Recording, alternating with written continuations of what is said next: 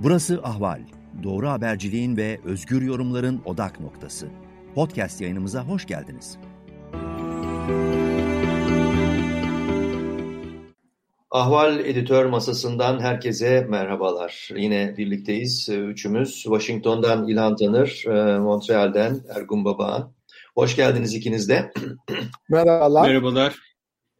Evet, e, şimdi e, gündem tabii e, pek çok şey var ama e, öncelikli olarak Türkiye medyasının önemli bir kısmının da e, otosansürle veya sansürle görmezden geldiği, bunun da şikayetlere yol açtığını gayet iyi bir şekilde görüyoruz. E, Sedat Peker'in videoları meselesi. Bu geçiş, geçiştirilen bir konu Türkiye medyasının gövdesinin önemli bir kısmında. 3-5 kadar e, bağımsız e, işte medya sitesi bunu e, takip etmeye çalışıyor. Bu konudaki açıklamaları izlemeye çalışıyor ama gerisi kenarından köşesinden en azından yani en fazla değine, değerek ilerlemeye çalışıyorlar. Aslında bunun e, çok değişik boyutları var ve yayılmaya da devam edecek. En azından e, işte Ağır'dan, Ağır'ın oğlundan bir takım açıklamalar var ama Öncelikli olarak bugünün e, belki en önemli açıklaması e, doğrudan doğruya e, şeyden geldi. Yani Cemil Çiçek'ten geldi. Cemil Çiçek'in yaptığı açıklamalar önemli. Cemil Çiçek diyor ki bu yani bunun binde biri bile gündemin bir şekilde doğru ise zaten anlamamız gerekir, yapılması gereken bellidir. Savcılar yargı hareketeye geçmelidir diyor. Çok vahim bulduğunu söylüyor bütün bu süreci bu Sedat Peker'in açıklamalarını. E, devlet adına konuşan birisi Yüksek İstişare Kurulu üyesi Cemil Çiçek. Devletin e, içinde çok uzun yıllardır değişmeyen, değişmesi teklif dahi edilemeyen figürlerden bir tanesi diyebiliriz kendisine. O yüzden bu sözler önemli. Yani yargıyı harekete geçmeye çağırmasına rağmen şu ana kadar anlaşıldığı kadarıyla herhangi bir kıpırtı yok. Bakalım e, önümüzdeki günlerde yarından itibaren ne olacak e, ve nasıl olacak, nasıl harekete geçecek yargı bunu da e, göreceğiz, anlayacağız. Evet, yani e, ortada hala uçuşan bir takım iddialar var. E, dördüncü video gelecek mi gelmeyecek mi soru işareti var. E, bunlar üzerinden başlayalım. Hangi noktada sence gelişmeler Ergun? Yani Türkiye'de derin devletle devletin ayrımının ortadan kalktığı, mevcut yapının derinleştiği bir süreçten geçiyoruz. Az önce sosyal medya Jandarma Genel Komutanı'nın e, Batum'da firari olarak elini kolunu sallayarak yaşayan ve Türkiye'de işlerini sürdüren metronun sahibi, metro otobüslerinin Galip Öztürk'le olan evinde, makamında, yemekte, çocuklarıyla fotoğraflarını yayınladı. Yani en Türkiye'nin en önemli mafyalarından, e, suç örgütü liderlerinden biri olduğu iddia edilen Galip Öztürk, e, iç güvenlikten sorulu bir komutanla kanka. Aynı komutanın işte Mehmet Ağar'ın oğlu Tolga Ağar'la ilişkisi olduğu bağlantılı bir cinayeti örttüğü iddiaları da var. Bunun üstüne de e, e, Mehmet Ağar'ın bugün çıkıp yaptığı araştırma açıklamalar var.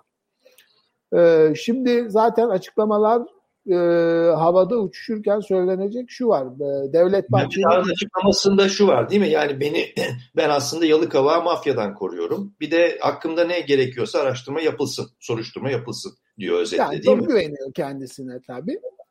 Ee, bir şey olmayacağını bildiği için yani AKP'nin en e, açılımcı döneminde bile Mehmet Ağar hiçbir şey olmadı. Bu dönemde bundan sonra da hiç olmaz.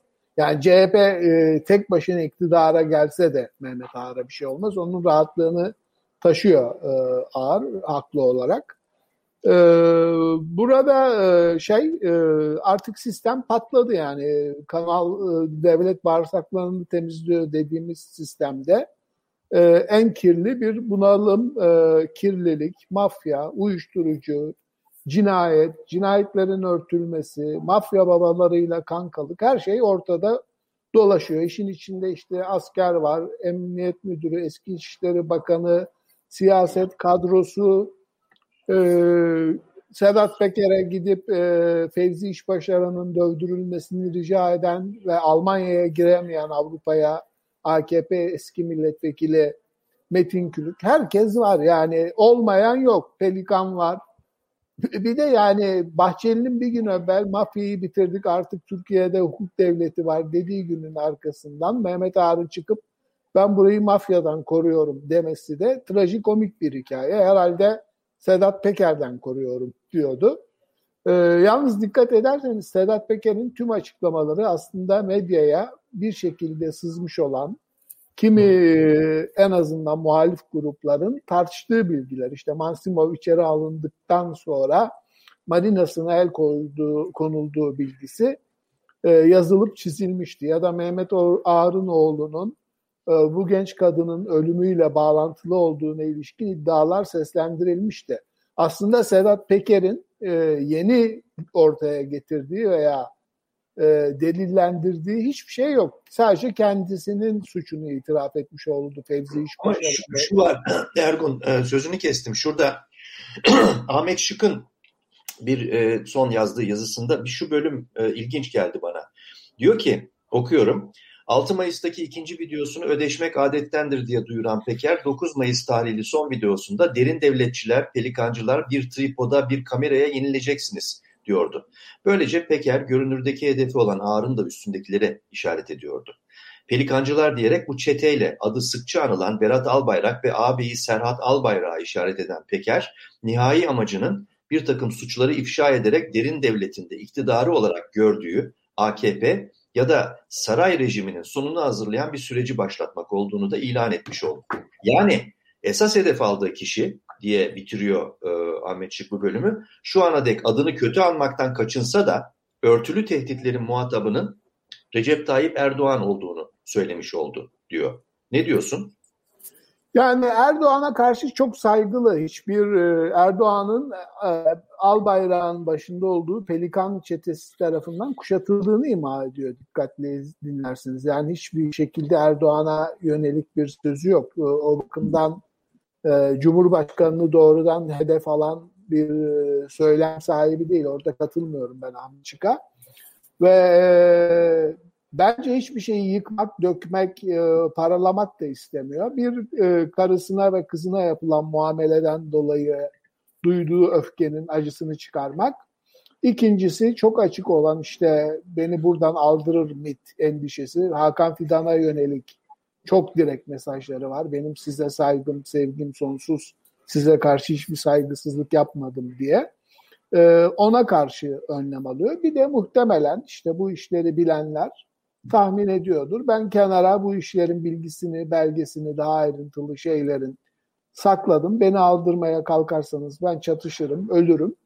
Ama bu belgelerde ortalığa saçılır diyor. Yani ben Peker'in e, öyle çıkıp e, AKP MHP rejiminin sonunu getirecek derinlikte bir bilgi belge açıklayabileceğine ihtimal vermiyorum. Yani Suri 15 Temmuz ve Suriye'ye giden silahlarla ilgili e, bir takım e, imalarda bulunuyor ama mesela Suriye'ye giden silahlarla ilgili herhangi bir açıklamaya da bulunsa uluslararası ceza hukuku bakımından kendisinin de e, zanlı olacağının e, farkında. O konularda belli ki hukuki danışmanlık da alıyor. Ben e, yani bir kirliliği dile getiriyor. Mehmet Ağar'ın canını yakıyor. Kendi canının kaçmak zorunda kalmasından dolayı, evinin basılmasından dolayı.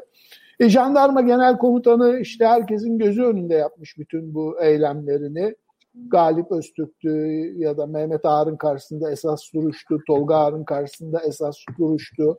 Yani orada e, Hulusi Akar'a gösterdiğinden daha fazla saygıyı Ağar ailesine gösteriyor. Farklı bir ilişki modeli oldu. Bunları belki dikkat etmemiştik, görmemiştik. Onları gözümüze soktu sosyal medya üzerinden de. Ama ben de e, baştan beri söylediğim gibi sonuç itibariyle kendisinin, ailesinin güvenliği derdinde yoksa bir iktidarı yerle bir etmek vesaire o gücü de yetmez ona. Türkiye şeye alışık yani Erdoğan zaten son İsrail e, gerilimini bu şeyin unutulması için e, skandalın ola yani bir Arap dünyasında itibar ve güç kazanmak, etkin hale gelmekse amacı. İkincisi de gerek Covid başarısızlığı gerekse Peker kasetlerinin yarattığı o e, endişeli havayı dağıtmak bence. Yavuz'un ha görüntü dondu sandım. Yok. Şimdi e, e, İlhan sessize alır mısın? Oradan biraz şey geliyor, gürültü geliyor. Senin mikrofonunu. E, evet yani bir de şu tarafını e, anlamaya çalışalım. E, bu son şu ana kadarki tartışma ortaya çıkan veriler açısından baktığımızda Süleyman Soylu bu fotoğrafın neresinde duruyor? Sedat Peker'in merceğinden bakıldığında. Yani Süleyman Soylu Mehmet Ağar'ın memuru konumunda aslında şey değil, kendi başına bağımsız bir figür değil. Yani onunla yakın ilişki içinde olan, onunla ilişkileri e, olan bir e, e, figür. Ağar'dan bağımsız düşünemeyiz. Elbette kendi adına yaptığı işlemler vesaireler vardır ama burada kilit nokta MIT'in karşısında e, Hakan Fidan'ın e, karşısında Jandarma Genel Komutanı, Emniyet Genel Müdürlüğü, Süleyman Soylu ve Mehmet Ağar ve işte o e, Alaaddin Çakıcı, Korkut Eken, kimse o e, eski susurluk döneminin kahramanları onlardan oluşan bir yapının şekillendiği e, Soylu'nun da Mehmet Ağar'la adına e, kendi bağımsız olarak değil muhtemelen ağır iş üretiyor tabloda. Evet. E, sesim geliyor herhalde değil mi? Geliyor. Tamam. E, bir de e, şu var tabii e, bu e, resmin tamamına baktığımızda Nesrin Nas'ın e, yayına aldığımız son mülakatında yine konuşa konuşa da Gülten Sarı ile konuşmasında aslında diyor ki Nesrin Nas kendi değerlendirmesinde bu bir e, pastadan pay kapma savaşı değil aslında e, kavgası değil aslında daha büyük bir savaş e, söz konusu diyor. Yani e, senin anlattıkların e, yani koydu, ortaya koyduğun analiz bizim bu, bu e, genel kuş bakışı gördüğümüz fotoğraf e, Nesrin Nas'a da dikkat edecek olursak söylediklerine acaba e, ortada çok ciddi bir iktidar kavgası varsa bu bir Sedat Peker üzerinden ve ona cevap verenler üzerinden bir vekalet savaşı hani proxy wars dediğimiz bir nevi vekalet savaşı mı şu anda söz konusu olan acaba? Yani ben Sedat Peker'in Çakıcı kadar e, ağırlıklı ve etkin bir figür olduğunu düşünmüyorum bu devlet içi şeyde. Yani Çakıcı'yla e, ağır ilişkisi hiçbir zaman ağırla Peker arasında olmadı. Yani a, Peker daha çok saraya yakın işbirliği içinde göründü uzaktan bakınca e, ya da e, devletin farklı kanallarıyla işbirliği yapan bir figürdü ama e, Çakıcı e, doğrudan e, Mehmet Ağar'ın e, ekibinin önemli bir parçası ve Bodrum bu ekibin şu anda üssü yani Ferit Şahengin o otomobillerin gazını ölçen ölçüm tesisleri var. Mesela Muğla, Tolga Ağar'ın sahibi olduğu bir şey. Yani e, öyle bir milyon dolarlık bir yatırım sağlanmış Mehmet Ağar'a. Onun başında durmuyor ama vatan aşkı için gidip marinanın başında duruyorum diyor. İşte o meşhur Çakıcı yakalandığında oraya giden ünlü müteahhiti Bodrum'un orada. Ya Bodrum şu anda e, bir bakıma Susurluğun e, üst konu üssü konumunda. Herkes orada e, birleşmiş, e, üstlenmiş gibi görünüyor. E, yani burada e, Yalıkavak Marina sadece değer işletme değeri açısından mı önemli? Yoksa e, işte Peker'in iddia ettiği üzere Kolombiya, Panama'dan gele Türkiye'ye gelirken bir kısmı ele geçen o kokainin e, dağıtım merkezi olarak mı planlanmış bir merkez? Onu bilemiyoruz ama işte gerek Afganistan'dan e, son raporlar Amerikan e, uyuşturucuyla mücadele e, bölümünün yayınladığı, gerekse işte bu Peker'in iddiaları, ayrıca Suriye, e, Lübnan, Irak'ın bir bölümünün Koptagon gibi kimyasal e, maddelerin üretim merkezi haline gelmiş olması ve bunların Türkiye sınırından Avrupa'ya dağıtılıyor olduğu gerçeği e, aslında Türkiye'nin e, bu işler açısından e, cazibe merkezi haline yani kötü anlamda da olsa geldiğini gösteriyor bize. Evet yani bu Aykan Erdemir'in de ifade ettiği gibi narko state, narko devlet e, aşamasına doğru ya iniyor ya da çıkıyor nasıl diyelim. Yani öyle bir öyle bir tanımlamaya doğru e, daha önceden tabii başıboş, başıbozuk devlet, rock state ifadesi kullanılıyordu. Şimdi bir de buna bütün bu ortaya çıkanlarla beraber bu da eklenmiş oluyor. E, şimdi bu manzaranın İlhan fotoğrafın içerisinde bir takım başka isimler de var tabii. Yani e, bu isimlerden e, bir tanesi bizim de ahvalde yani çok ciddi üzerinde bir ciddi bir habercilik araştırması çalışması yapıp haberlerini aktardığımız SBK SBK Holding'in e, işte sahibi Sezgin Baran Korkmaz. Şimdi e, bu bu isim orada geçiyor e, farklı biçimlerde Sedat Peker'in ifadelerinde. Ama bir de ortada bir iddianame var. Yeni ortaya çıkan bir iddianame var. Buradan da bazı şeyler öğreniyoruz bu kara para aklama e, meselelerinde. Yani bütün bunlar sanki birbiriyle böyle ilmik ilmik bağlanmış gibi bir, bir network'ü mü ortaya çıkarıyor, bir çıkar birliğini mi ortaya koyuyor? Bunu e, anlamak lazım biraz da. E, nedir en son bulgular, veriler e, bu SBK Holding ve onun sahibi Sezgin Baran Korkmaz hakkında?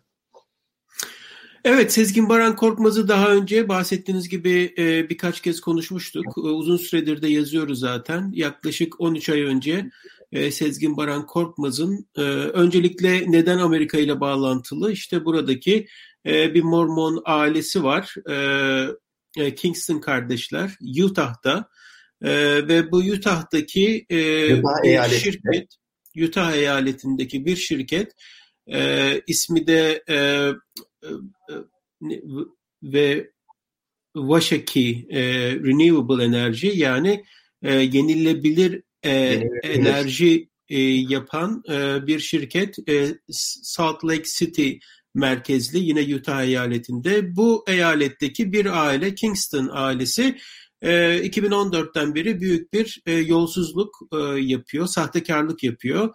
E, şirketlerinde e, işte e, yenilenebilir e, enerji üretiyoruz diyerek e, Amerikan devletinden e, büyük miktarlarda 100 milyon 511 milyon yani yarım milyar doları bulan e, bir para teşvik alıyor. Bu parayı elde edince bu parayı nerede kullanacağız, nasıl aklayacağız sorusu karşılarına çıkıyor. Burada Lev Dermen isimli Ermeni Amerikalı bir isim ki bu isim işte 13 ay önce Utah'taki mahkemede mahkum edildi.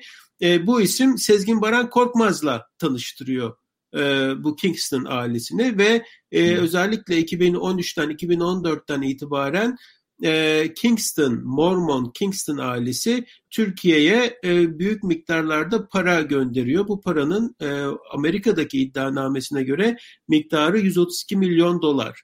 E, bu geçen yılda bakın e, bir perspektif koymak istiyorum. 13 ay önce bu Amerikan mahkemesinde dokümanlarıyla her şeyiyle ortaya kondu.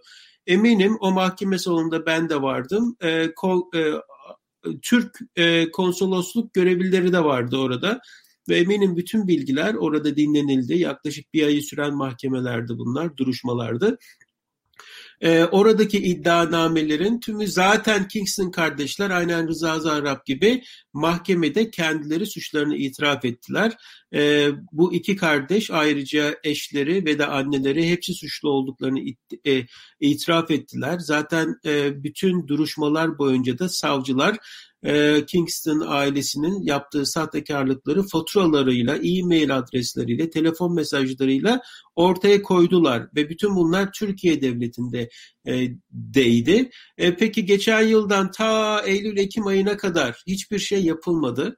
E, çünkü o zamanlar Sezgin Baran Korkmaz zaten Erdoğan'la ve hükümetle arası iyiydi. Bir perspektif bir perspektif daha vermek lazım. Bütün bunlar e, bize aslında son 4 yıl içerisinde 2016'dan itibaren Türkiye'deki e, hukuksuzluk ortamında nasıl mafyalaşmanın ve de Sezgin Baran Korkmaz gibi isimlerin büyüdüğünü ve yol aldığını gösterdi. E, o zamanlarda şimdi ayrıntılara giremeyeceğimiz ama daha önce de konuştuğumuz e, birçok insan Türkiye'de e, saldırılara uğradı. Bunlardan yine Amerika'yı, Washington'ı ilgilendiren Yücel Ayaslı gibi 10 yıllardır Türkiye devleti için lobicilik yapan, Washington'da büyük bir kuruma olan insanlar dahi saldırıldı. İşte bu hukuksuzluk döneminde de Sezgin Baran Korkmaz 132 milyon doları bulan bu parayı Amerika'dan kendi şirketlerine e, aktarıldı ve bunlarla ilgili iddianame işte bahsettiğiniz o iddianamenin Türkiye ayağı e, geçtiğimiz günlerde e, yayınlandı İstanbul'da e, ortaya çıktı.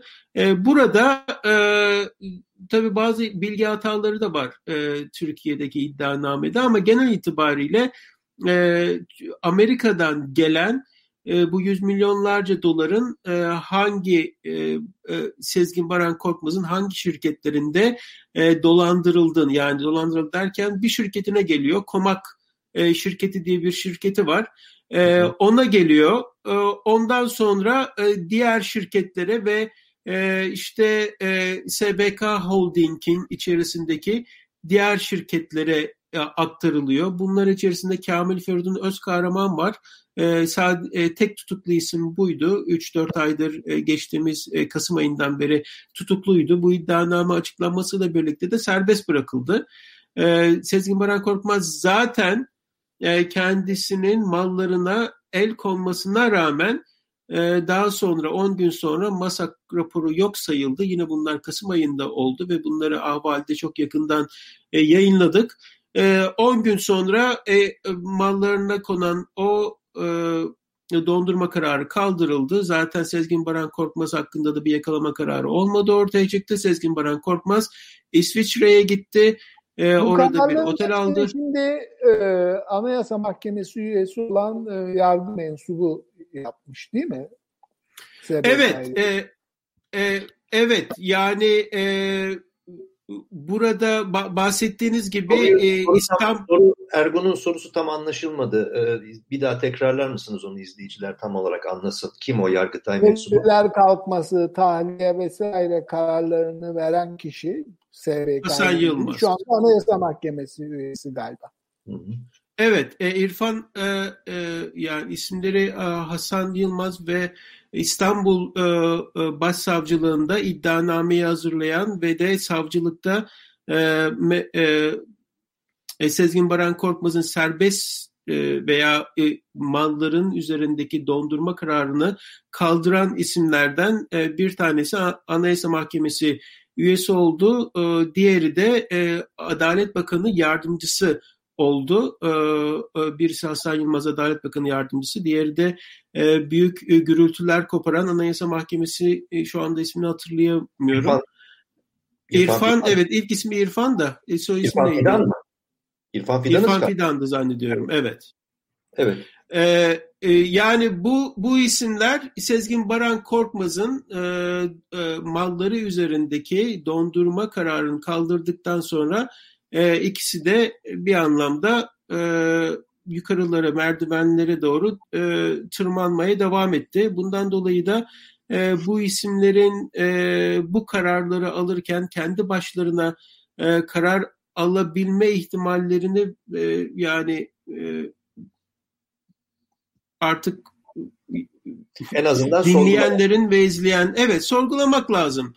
E, ve bu isimler halen Türkiye'de işte adalet e, e, mekanizmasında çok üst düzey isimler. E, ve buna karşılık da Sezgin Baran Korkmaz yurt dışında, yurt dışına gitmesine zaten yol verildi. E, e, bu esnada bilmediğimiz şeyler bu yüz milyonlarca dolar paranın Türkiye'ye gelmiş aktarılmış paranın Türkiye'de nerelere ve kimlere e, yedirildiği, verildiği, e, bu kararlar alınırken nasıl e, yani 10 gün önce e, dondurma kararı mallarına dondurma kararı gelip 10 gün sonra kaldırılıp bu esnada Sezgin Baran'ın kaçması e, bunların hepsi maalesef e, kapalı e, kara kutular. E, bunların e, aydınlanması için e, nasıl aydınlanacak? E, ancak herhalde İçişleri Bakanı ve bu hükümet değiştiği zaman e, belki Ama Amerika'nın şu anda şeye karşı bir e, girişimi yok herhalde Sezgin Baran. Şimdi e, yani işin enteresan Eşin ente evet e, konunun bir başka tarafı da o. E, e, Eylül ayında Jill Parrish e, e, Utah'daki mahkemeye bakan yargıcın ismi Jill Parrish.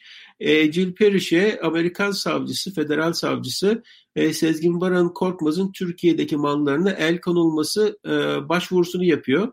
Ve bu başvuru e, yargıç tarafından reddediliyor.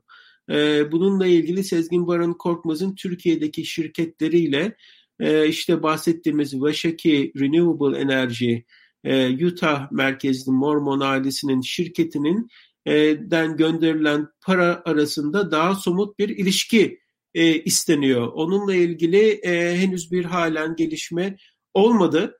E, bu burada tabii e, yani az önce bahsettiğimiz gibi Sezgin Baran Korkmaz'ın bu gelen e, paraların e, işte bu kendi şirketleri içerisinde e, sürekli bir e, e, dönüş yapması. Bu e, İstanbul Başsavcılığınca yayınlanan en yeni iddianamede e, söyleniyor. Oradan öğreniyoruz.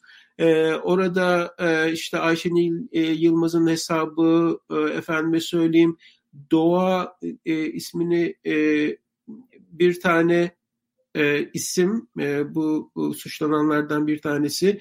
E, Genç birisi. Doğa... Şahit oluyor. Evet, evet. Doğa Doğa e,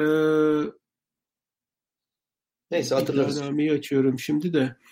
Evet, e, vermesiyle e, bu e, içerisindeki Bayram Sürün hazırladığı bir iddianame bu arada. Doğa Doğan.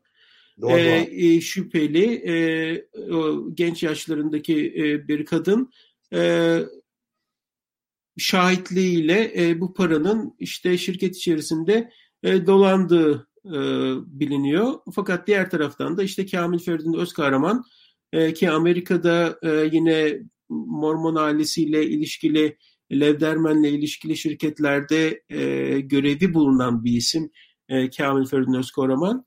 E, 10 e, yılla e, istendi ama aynı zamanda da e, hapisten çıkarıldı. E, bilmiyorum hak hakkında dışı yurt dışına çıkma yasağı var mı yok mu?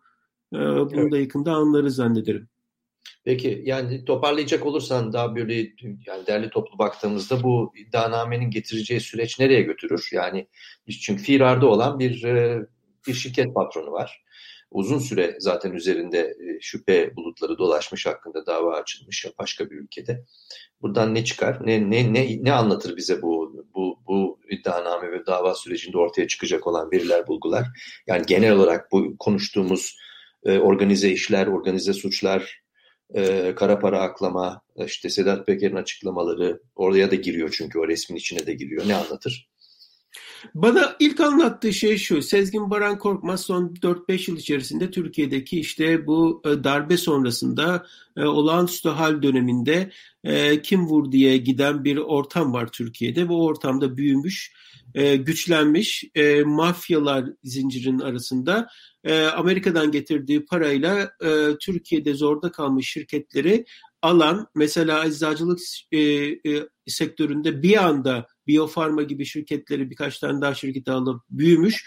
E, bu ismin e, bu hukuksuzluk alanında e, Türkiye'de nasıl e, böyle bir e, e, e parayla tabii Erdoğan'la ilişkileri de var. Erdoğan e, New York'a geldiğinde 2017 yılında e, Veşaki e, şirketinin e, yöneticileriyle de görüşmeler yapılıyor. Ermeni, Amerikalı, Türk e, mafya, Levdermen'le de e, aynı görüşmelerde bulunuyor. O, o görüşmelerde bulunuyor.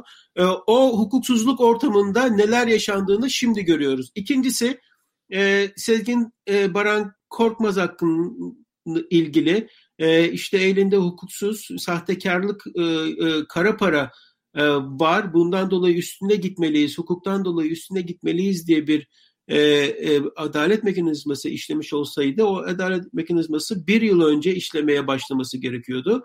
E, o zamanlar Sezgin Baran Korkmaz hükümetle yakındı ve de e, hiçbir şey olmadı. E, Türkiye'de Türkiye'de haber dahi olmadı. E, çok büyük bir oranda ahval dışında e, bu haberleri Türkiye yansıtan e, ilk outlet ahvaldi. E, e, niye, 8 ay. Niye anlaş, anlaşıldı bu işin ne kadar bu sürecin, bu davanın bu kovuşturmanın önemli olduğu maalesef. Bence ondan ziyade Sezgin Baran Korkmaz Erdoğan'ın adamıydı ve dokunulmazdı, yakındı. E, evet, güçlüydü ve e, şunları da biliyoruz. E, bunu da şundan biliyoruz. Yücel Ayaşlı ile olan başka bir e, mahkemesi devam ediyor bu arada. E, Amerika e, Amerikalı Türk e, zengin e, e, bir e, iş adamı Yücel Ayaşlı e, Turkish Coalition for America'ydı zannediyorum. American Coalition for Turkey miydi?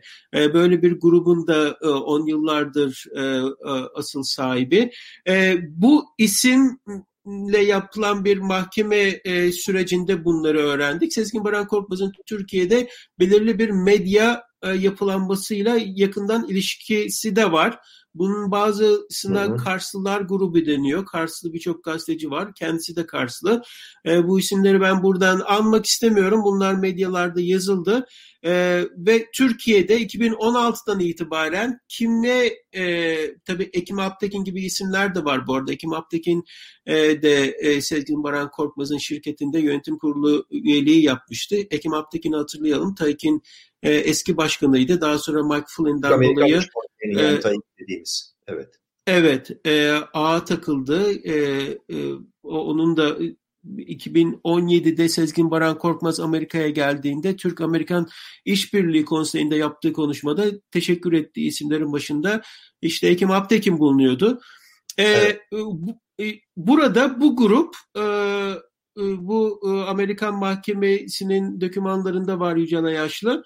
E, işte bir taraftan e, Soner Yalçın gibi isimler, diğer taraftan Melih e, şeyden Mahmut Övür gibi işte hem AKP'ye yakın hem ulusalcılara yakın isimlerle yakın ilişkileri olduğu ve bu yazıların da Yücel Ayaşlı'yı mesela hedefe kondu ama bunun dışında da başka medya operasyonları yaptığı ve e, düşman olduklarına FETÖ şeklinde saldırıldığı bu Yücel Ayaşlı'nın iddiana, iddiaları bay, bu arada e, mahkeme dokümanlarında şikayetnamede yer alan e, iddialar bunlar. E, bu dönemde e, kimse dokunmadı Sezgin Baran Korkmaz'a çünkü Sezgin Baran Korkmaz hükümete yakın Erdoğan adamı olarak görülüyordu. Ta ki Eylül-Ekim ayında benim hala tam emin olamadığım bir şekilde e, Sezgin Baran Korkmaz da bu arada Mehmet Ağar da e, bu e, işlerin içerisinde Mehmet Ağar'la da e, Sezgin Baran Korkmaz'ın ilişkileri ve yakın ilişkileri bulunuyor. E, bunu bizzat biliyorum. E, e, ve de e, Sezgin Baran Korkmaz'ın Türkiye dışına e, itildiği bir dönemde e, Türkiye içerisinde artık kime ne yedirildi, ne verildi e, bütün bunlar e, zannederim e, ancak koltuktan birileri kalktığında ve ciddi bir soruşturma yapıldığında yani öyle, öyle anlaşılması oldu. lazım.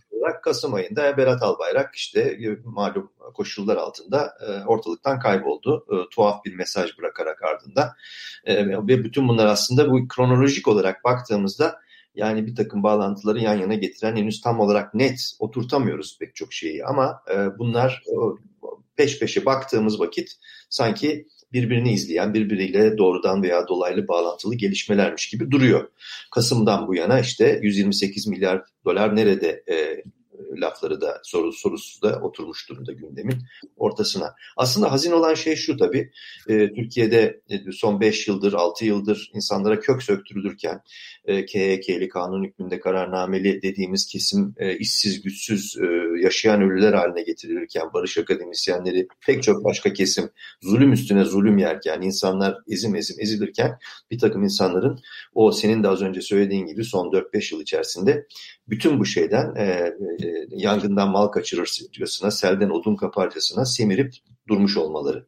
Bunun şimdi yavaş yavaş e, su yüzüne vuruşunu aslında izliyoruz, görüyoruz. Ya bir tarafında bir de yani rahat rahat çıkabiliyorlar. Bir zamanlar Uzan çıkmıştı e, şeye Cem Uzan e, Türkiye dışına ama şimdi işte metro turizmin sahibi Galip Öztürk e, anlaşıldığı kadarıyla Gürcistan'da Sedat Peker önce Balkanlardaydı. Şimdi Dubai'ye geçmiş durumda. İşte Sezgin Baran Korkmaz senin de az önce anlattığın gibi son dakikada e, ortalıktan kayboldu. Üstelik tuhaf bir yargı e, süreci, emrivaki gibi bir yargı süreci sonucunda. Yani bu insanlar e, bir de ortalıkta konuşulan para tabii milyarlarca dolarlık bir şeyden söz ediyoruz. Yani bütün bunların e, e, genel çerçevesi içerisinde.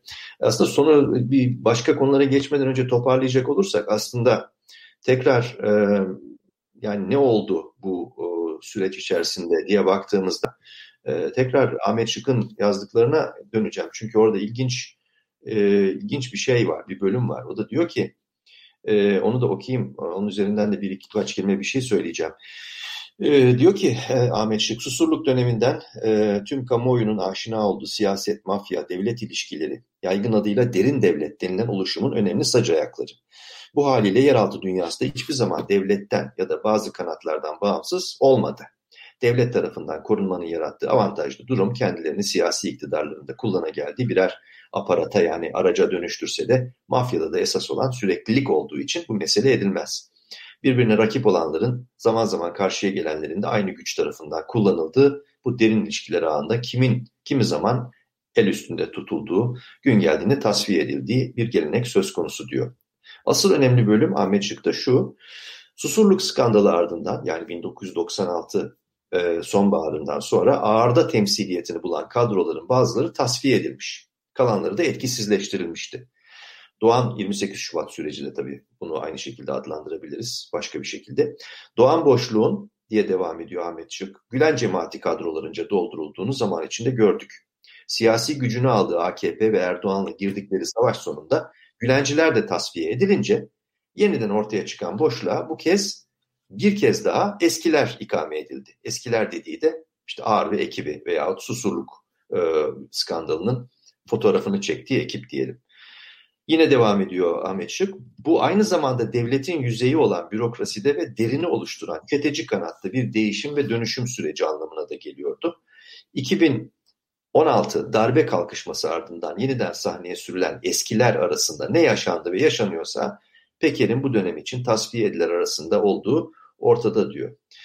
E, yani bu e, ikame etme meselesi bir kadronun gidip veya tasfiye edilip zorla kovalanıp sopayla veya işte kovalanarak işten çıkartılarak yerine başka bir kadronun alınması meselesi aslında tabii susurlukla da başlamış olan bir şey değil.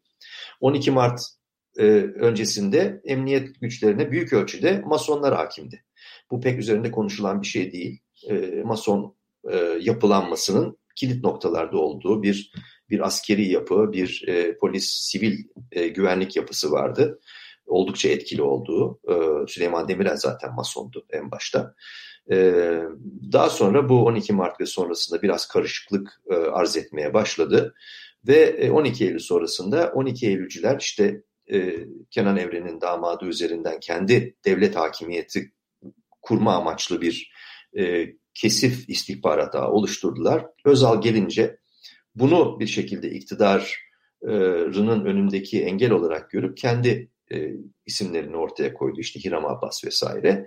E, onlar arasında bir takım e, güç kavgaları yaşandı. Özal'ın son döneminde de yeniden bu işte Gladio, kontrgerilla, özel harekatçı ekip giderek daha fazla hakimiyet kurmaya başladı. E, o, onlar o kadrolar içerisinde iyice yerleşmişler idi. Susurluğa gelinceye kadar. Susurluk bir şekilde patlayan bir çömlekti denebilir. Onun yerine işte Gülen kadrosu girdi. Yani özel olarak özel olarak şu, böyle bir gelenek var. Yani bunu vurgulamak lazım. O yüzden e, önemli e, Ahmet Şık'ın çekmiş olduğu fotoğraf. Mutlaka iktidar birilerine bir şeyleri sipariş ediyor. E, taşeron kolektif gruplar e, aday oluyorlar. Bunlar giriyorlar kanun dışı yollar için e, hazır durumda ve bekliyorlar, icraat yapıyorlar ve devletin e, giderek daha fazla çürümesine e, ve e, bozulmasına, onların e, etrafında oluşan asalak sözde iş adamı sürüsünün sürekli olarak mal mülk talan etmesine ve semirmesine yol açıyorlar. Bu kısır döngü kırılmış değil. Sedat Peker'de de şimdi bunun yeni bir safhasını izliyoruz. Bundan sonra da bunun değişeceğine dair de bir e, bir vaat yok, bir umut, bir ufuk söz konusu, bir vizyon da söz konusu değil gibi gözüküyor. Çünkü muhalefetin buradaki tavrı da son derece bulanık. Zaten biliyoruz ki Meral Akşener, e, Mehmet Ağar'dan hemen sonra İçişleri Bakanlığı'nı devralan bir e, siyasi şahsiyet idi. Çok şey biliyor. Çok da fazla konuşmamaya gayret ediyor bugünlerde, bu sıralarda. Yani bu e, böyle bir karanlık tablo. E, bir sistematiği var bunun. Bir mantığı var. Ve bu mantığı tabii iyi, iyiliksever bir mantık değil e, toplum açısından, halk açısından. halkın e, düşük gelirli kesimleri açısından ve Türkiye'nin e, esenliğini isteyen iyi niyetli e, işte sağ veya sol dürüst kesimler açısından da aynı şey söz konusu diyelim. İsterseniz burada bırakalım. Epey bir konuştuk. 40 dakika kadar. Buradan nereye geçelim? Ee, Ergun, e, son İsrail meselesine mi geçelim? Oradan mı ilerleyelim biraz? Hem de tü şeyin e, Mevlüt Çavuşoğlu'nun Suudi Arabistan temasları var. Aslında çalkalanan bir bölge var ve bu e, tabii İsrail, Filistin, Kudüs üzerinden e, tetiklenen süreç e, bazı taşları da yerinden oynattı gibi duruyor değil mi? Yani Erdoğan'a bir fırsat sundu. Dış politikada işte Arap dünyasına yaklaşma.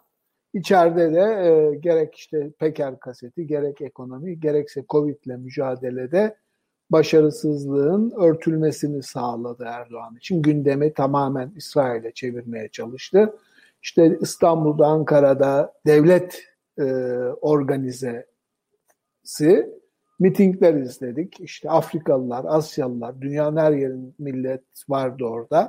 Ümmet dediği yani Türkiye halkı istiyor demedi Mevlüt Çavuşoğlu. Yani bu akşama yazdım girecek zaten. Bir bakıma halifeliğe soyunuyor Erdoğan. Tekrar halifelik kurumunu canlandırıp İslam ve Arap alemine e, önderlik etme iddiasında asker göndermeye kadar vardırması işi de bunun bir göstergesi ve ümmet istiyor sözünün e, muhalefet tarafından e, bir tepki görmemesi de aslında vahim. E, muhalefetin sosyal medyayı da yakından izlemediği ve büyük kentlerde yaşayan insanların özellikle kendileri evlerde hapisken, e, denize giren bir adama 3 bin 4 bin lira ceza yazılırken e, binlerce kişinin İstanbul'un, Ankara'nın göbeğinde e, dip dibe gösteri yapmasına ses çıkarılmaması hatta polis tarafından desteklenmesinden duyulan rahatsızlık ve öfkeyi e, görmezden gelmesi muhalefetin e, onların da aslında bu işin kaybedeni olduğunu gösteriyor. E, Erdoğan'ın oynadığı oyunun bir tehlikesi var tabii Arap ülkeleri için. Çünkü Arap sokağında bir e, öfke, bir rahatsızlık olabilir İsrail politikalarından ve mutlaka da vardır. Ama kimse bunu işte sokağa çıkıp antisemitizme varacak bir devlet organizasyonuyla protesto etmiyor. Ukrayna meselesinde olduğu gibi Erdoğan da can havliyle e, Filistin meselesine de atlıyor. Yani hayata geçiremeyeceği e, önerilerde bulunuyor. Putin'le görüşmesinde İsrail'e ders verilmesinden bahsediyor ki o Putin'e yakın ve İran'ın İsrail tarafından e, istediği zaman bombalanmasına, füzeyle, uçakla vurulmasına göz yuman, onunla işbirliği yapan bir lider. İsrail'in Rusya'yla özel ilişkileri var. E, atabileceği adım belli. E, bütün bunlar aslında içeriye yönelik daha İslamcı, daha Türkçü, daha nefretçi bir politika izlemeye e, giden e, bir aşamanın son adımları. Ee, dediğim gibi vahim olan burada e, sıkıntı CHP vesaire gibi partilerin İsrail'e muhalefeti seküler bir zemine çekme aciziyetinden de kaynaklanıyor.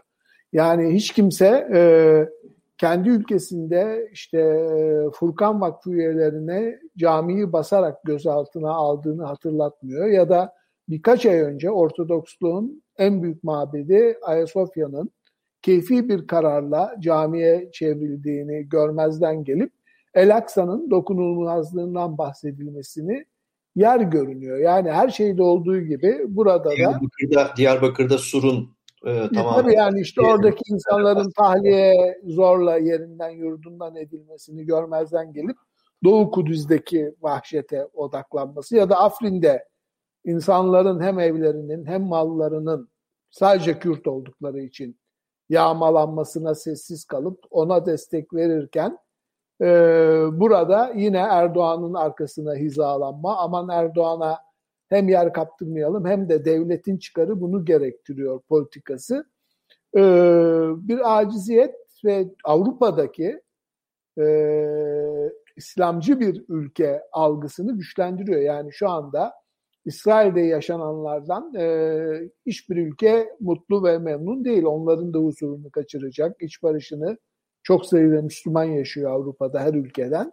Tehlikeye atacak e, bir geliyor bu. Hiç kimse Erdoğan kadar bunu bir nefret söylemine, İslam Batı çatışmasına dönüştürmeye e, çalışmıyor. Ve burada HDP dışında da bunu fark edip buna sesini yükselten e, bir e, muhalefet akımı çıkmıyor. Bugün görüyoruz ki e, işte Kudüs'te, Tel Aviv'de e, savaşa karşı e, İsrail vatandaşı Yahudiler gösteriler yapıyorlar. İstanbul'da bunu yapmanız mümkün mü? Yani e, Sur için, Afrin için, Irak için kalkıp e, Kürtlerle barış içinde yaşayalım, savaşa hayır yürüyüşü yapmaya kalksan ya kurşunlanırsın e, ya en, en hafifinden biber gazı bombardımanına e, ma maruz kalırsın. Ama İsrail'de bunu yapabiliyorlar. E, Türkiye biraz yani şeyden çıkmış, zıvanadan çıkmış bir ülke. O yüzden mafya bu kadar e, başıboş e, cirit atabiliyor. Susurluk'ta işte devirleri bitti artık sonu geldi dediğimiz figürler yeniden ve daha zengin olarak e, kadraja girebiliyorlar. E, çok açıkçası e, umut veren bir e, tabloda değil Türkiye. Gerek iktidarı, gerek muhalefeti, gerek yani kurumları her şeyiyle çökmüş, kokuşmuş ve içeriden de herhangi bir e, alternatif, saygın, demokrat, seküler bir e, çabanın e, ortaya çıkmadığı bir şey. Zaten anketlerin ortaya koyduğu tabloda sadece AKP'nin değil, e, CHP'nin de hızlı erediğini gösteriyor. E, özellikle kent seçmeninde bir e, arayış, bir mutsuzluk olduğu benim kanıma göre göze çarpıyor açıkçası. Mesela CHP'nin e, bu konuda yapabileceği bir şey vardı. Bunu kim soran da pek yok. Biz şimdiden buradan sormuş olalım. Mesela en azından CHP bir ortak bildiri hazırlanması için Sosyalist Enternasyonel'e başvurabilirdi. Sosyalist Enternasyonel bir bütün olarak bir şey olarak belki e, böyle bir teklifin e, özellikle Türkiye gibi dengelerin hassas olduğu bir bölge ülkesinden e, gelmesi, seküler hassasiyetlerin de çok e, hakikaten ip üstünde cambazlık yaptığı bir ülkeden gelmesi, bir ülkenin partisinden, ana muhalefet partisinden gelmesini ciddiye alabilirdi. Böyle bir girişim de yok. Bir hareketsizlik söz konusu tabii. Yani neden böyle bir e, acaba şey düşünüldü, düşünülmedi? Bunu en azından soru olarak ortaya atabiliriz. Evet, yani burada bir tek e, benim... Yani Sosyalist Enternasyonel'e gitse orada biri de desek aynı zamanda Kürdistan'da olanları da koyalım. CHP'nin söyleyecek bir sözü kalmaz. Belki Hayır, iç politika onda... açısından iç politika açısından en azından biz böyle bir başvuruda bulunduk diyebilme şansını dahi e, bir şekilde e, elde edebilirlerdi. Sosyalist Enternasyonel öyle bir cevap vermez tabii. E, çünkü o bir bildirge meselesi. Yani Sosyalist Enternasyonel Başkanı sonuç olarak CHP'nin bir ara Sosyalist Enternasyonel ihracı konusunda bile en ufak bir şekilde hareket etmeyi e, istemedi. E, dönemin e, başkanı meşhur işte Yorgo Papandreou'ydu. Eski bir Baykal döneminden söz ediyoruz. Demez tabii ama bu bir puan kazandırabilirdi belki. En azından böyle bir hareketlilik olduğu partinin dış dünyayla bağlantıları tamamen kopmuş görüntüden kendisini kurtarmak için en azından bir hamlede bulunabileceği, bulunmuş olduğu e, mesajı da verilmiş olabilirdi. Neyse yani orada şey bir tek e, burada senin söylediklerinde şu var bir halifelik iddiası var dedin. E, böyle bir şeyi Suudların veyahut Mısır'ın kabul etmesi mümkün mü? Böyle bir niyet olsa veya böyle bir e, hırs ortaya biraz daha çıkmış olsa bile e, çok gerçekçi mi Erdoğan'ın böyle bir e, iddiayı yeniden canlandırması? Aslında fiili olarak değil de bunu bir rol model olarak yapıyor. E, daha çok doğrudan Arap sokağına e, seslenmeye uğraşıyor anladığım kadarıyla. E, zaten dikkat edersek yani halifelik dediğimiz kurum e, Emevilerden sonra Abbasilerde belki biraz e, varlığını ağırlığını sürdürmüş. Onların döneminde bile Afrika'da, Mısır'da e, ve Bağdat'ta üç tane e, halife aynı anda varmış. Yani halifelik sulanmış, şeyini kaybetmiş. Ta birinci Wilhelm'e kadar, ikinci Wilhelm'e kadar, birinci Dünya Savaşı'na kadar Osmanlı padişahları bile halifelik kurumuna çok ilgi göstermemiş. Abdülhamit işte Ermeni soykırımlarının ilk öncüsü olan e, şey e, girişimleri başlattığında İslam cihat kavramlarını, kafir kavramlarını kullanmış ama e, halife kavramı e, Birinci Dünya Savaşı döneminde Hindistan'da, Mısır'da vesairede İngiltere'nin başını belaya sokarız e, e, şeyiyle, e, hayaliyle araya atılmak istenmiş. E, bugün hiç olmaz. Ulus devletler şeyinde zaten sen hem halifeyim diyeceksin hem gidip Suriye'nin bir bölümünü işgal edeceksin. Libya'da istenmemene rağmen asker ve e, çetecileri destek tutuyor olacaksın. Irak'ta yine işgal hareketleri sürdürüyor olacaksın. İşte bugün ortaya çıktı. Kürdistan'da başlatılan son operasyonda e, istenilen sonuç alamayınca, alınamayınca Suriye'den oraya cihatçı savaşçılar kaydırılmış 500 kadar. Yani bu tabloda e, bu bir çaresizlik ve e, deneme yanılma yöntemi. Yani Avrupa Birliği yanlısı oldu. Bob'un eş başkanı oldu. En ateşli Rus yanlısı oldu. İsrail ile ilişkimizi tehlikeye atamayız dedi zamanında. Sonra İsrail düşmanı oldu. Ee, daha çok şu anda e, atıp tutup parlayan ve işte bu şeyden de Mısır'la yarın öbür gün şey de diyebilir Mısır'a yani bu gerilimde bir sona ermezse İsrail'le yaptığın enerji anlaşmalarını boz. İslam ülkeleri olarak biz e, bir e, şey oluşturalım Hristiyan'a ve şey alemine karşı diye. E, her türlü şeyi söyleyebilir artık. E, bir tabii elbette hala Türkiye bölgenin önemli, güçlü askeri, ekonomik olarak önemli bir ülkesi. Suudi Arabistan'da, İsrail'de, Mısır'da e, çok sıcak olmasa da belirli dengede ilişkileri sürdürmek isteyecek. E, bu gerilimi sona erdirmek isteyecek ülkeler. Türkiye'ye Türkiye'nin en azından başlarına bela açabilecek bir kabiliyeti olduğunu bilen ülkeler. Ee, ama bu anti-İsrail ve anti-Batı söyleminin de e, bir süre sonra işte e, İhvan gibi e, İslamcı, cihatçı örgütlerin daha da güçlenmesine, e, kendi toplumları içinde kök salmasından yol açabileceğini de görüyorlar. Yani bunu e, Seyit Kutup falan yapabilir, yapacağı tarzda söylemler geliyor Ankara'dan.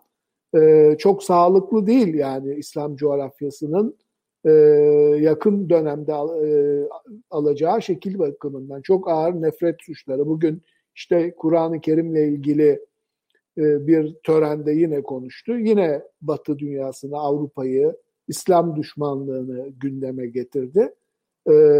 Bu söylemler sadece içeride değil ama bence Avrupa başkentlerinde, Washington'da da e, Kudüs'te dikkat ediliyor. Hatta Moskova'da bile ve açabileceği muhtemel sonuçlar değerlendirilip gözden geçiriliyor. Yani bu bir devlet liderinin ağzından ancak Kaddafi bu kadar e, çılgın şeyler söyleyebiliyordu zamanında.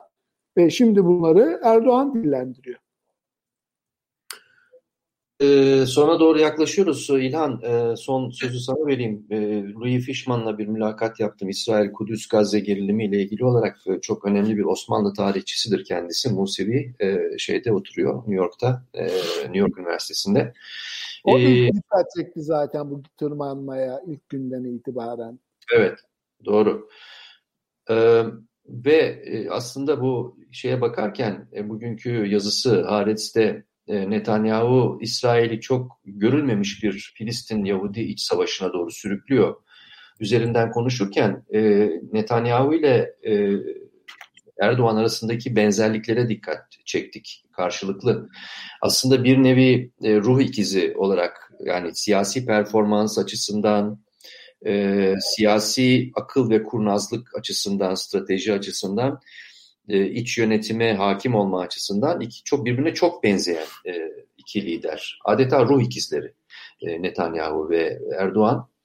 E, ve aslında Erdoğan bu son gerilim belli ki Netanyahu'nun öyle bir işine yarıyor ki sonuna kadar herhalde lastiği çekmeyi deneyecek.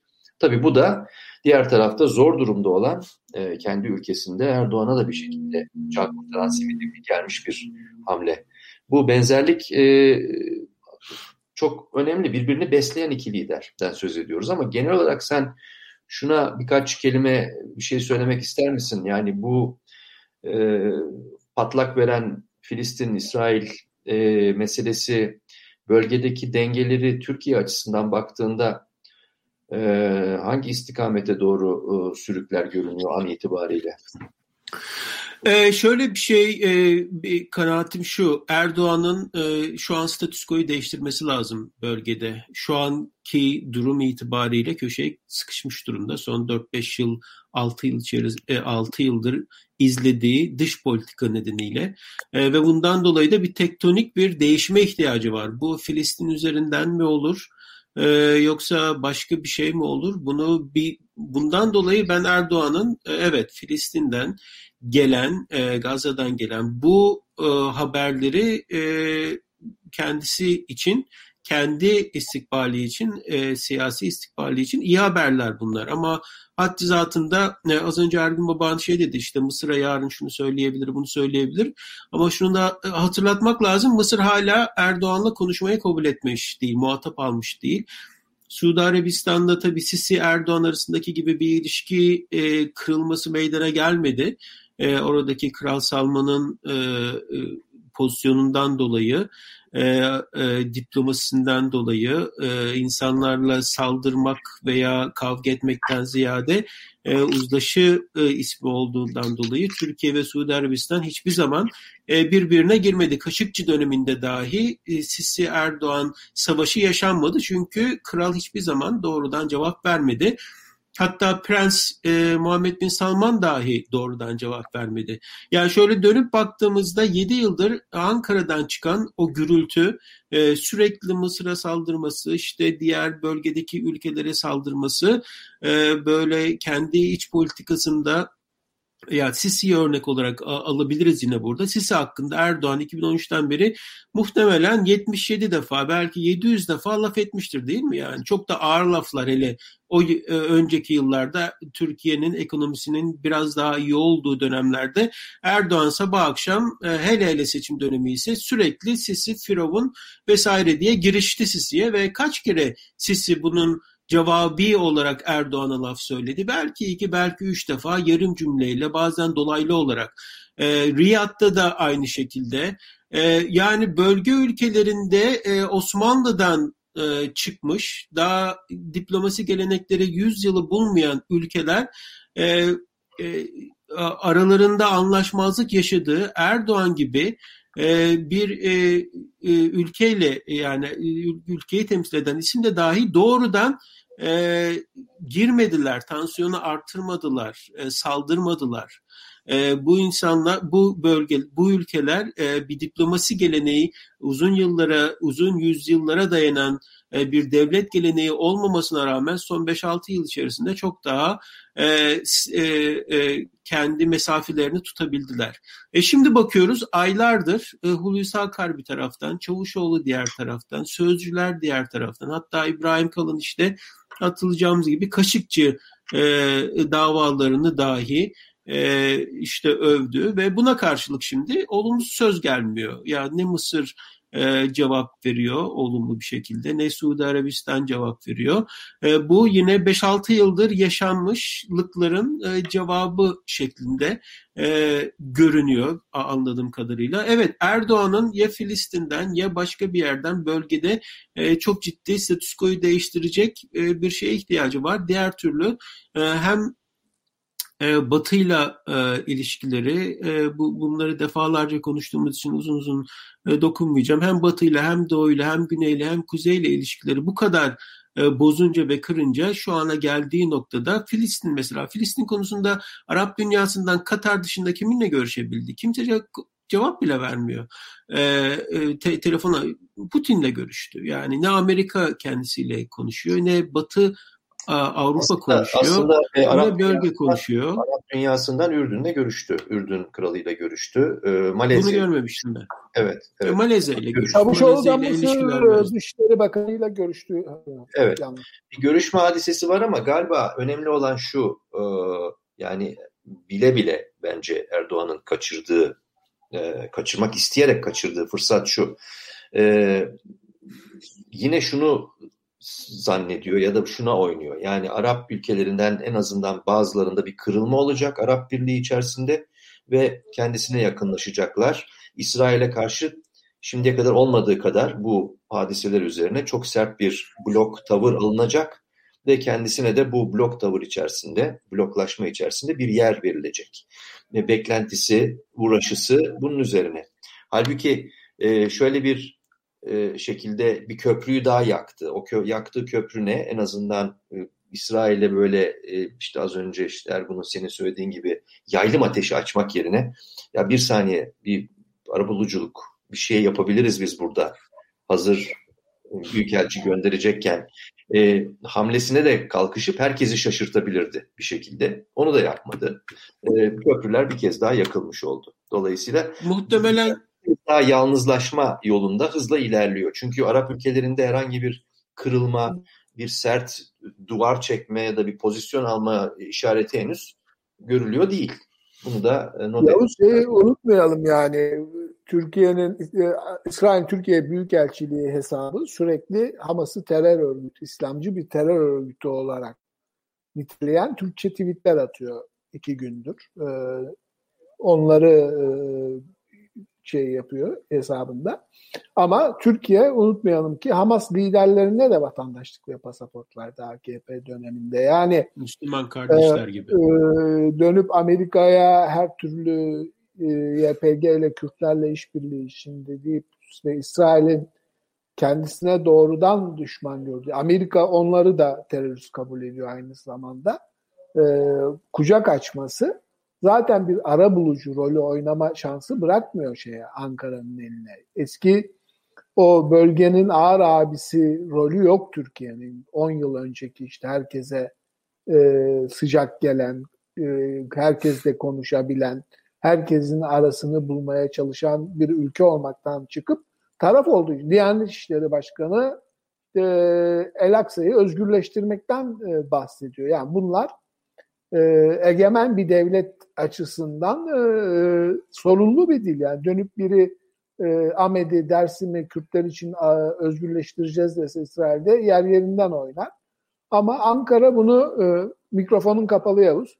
Kızılca e, pervasızca, he, pervasızca kullanabiliyor yani. Bu ölçüsüzlük, bu hat bilmezsizlik yani e, bir işe de yaramıyor. Sonuç orada işte İsrail'in ağır e, ezici gücü karşısında bombalanan, ölen az önce seyrettim bir kadıncağız evine iki tane balık almış dönerken İsrail saldırısında ölmüş kalmış yani insanlar ölümü yaşıyor. Burada onun üzerinden siyaset yapmak, e, çözüm bulurken gücün çabası, Arap dünyasında bir yer edilme çabası sarf ediliyor. Hepsi sahte ve iki yüzlü bir çaba bunların ve dünyada farkında elbette. Yani bu hırsızlık, yolsuzluk, uyuşturucu kaçakçılığı, cin örtülmüş cinayetler hepsine bakınca yani bir Müslüman ülkesine bakıyoruz, ideal bir İslam alemi temsilcisine bakıyoruz demez kimse.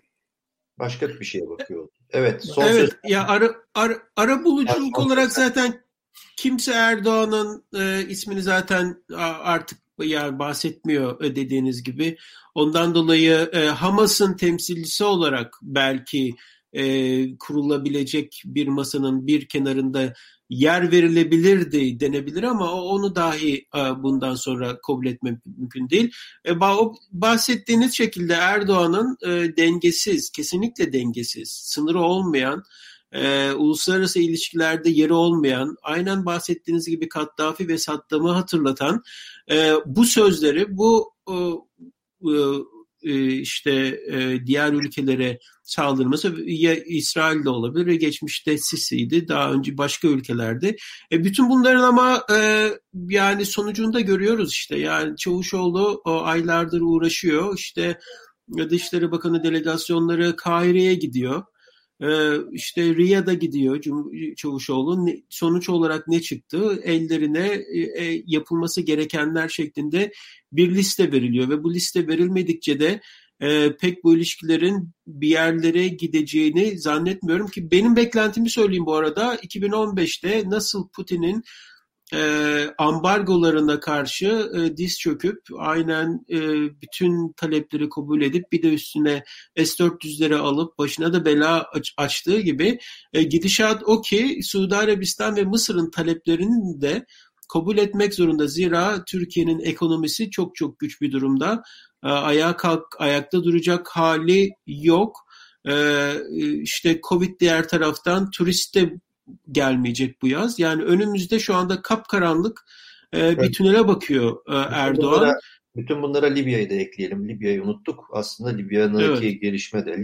Libya çok önemli aslında bütün bunların tetiklenmesi bakımından. Çünkü çok net bir şekilde e, defalarca sadece Libya Dışişleri Bakanı değil e, Amerika Birleşik Devletleri ve diye batılı güçlerde bir an önce oradaki e, paralı askerlerin, cihatçıların geri çekilmesindeki baskıyı arttırıyorlar. Yani orada çıkış yok. Orada e, sonuç olarak e, Erdoğan yönetiminin bütün o e, orada barındırılan, oraya gönderilmiş olan bu savaşçıları oradan çekmesi e, geç Son değil. Eğer, daha çok Kapat. efendim.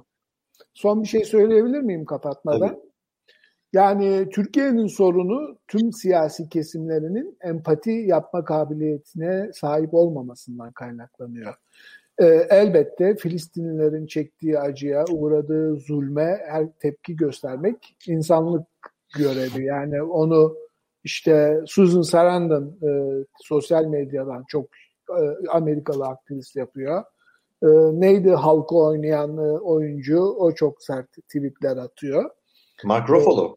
Evet e, yani bu değil Filistin davasına sahip çıkan işte sen söyledin Louis Fishman İsrailli bir Yahudi olarak çok net tavır alıyor. Ama e, Türkiye'nin kendine sol diyen kesimleri de hala Filistin'e sahip çıkıyor takdir edilir ama e, aynı şeylerin Kürt coğrafyasında yaşandığını, Kürtlerin Sur'da, Afrin'de aklınıza gelebilecek her yerde benzer muameleler helikopterden öldüğünü görmezden geliyor. Yani düşünün ki sadece e, bir hak savunucusu olduğu için milletvekilliği düşürülüp hapse atılan Ömer Faruk Gergerlioğlu'na bile sahip çıkmadı Türk solu.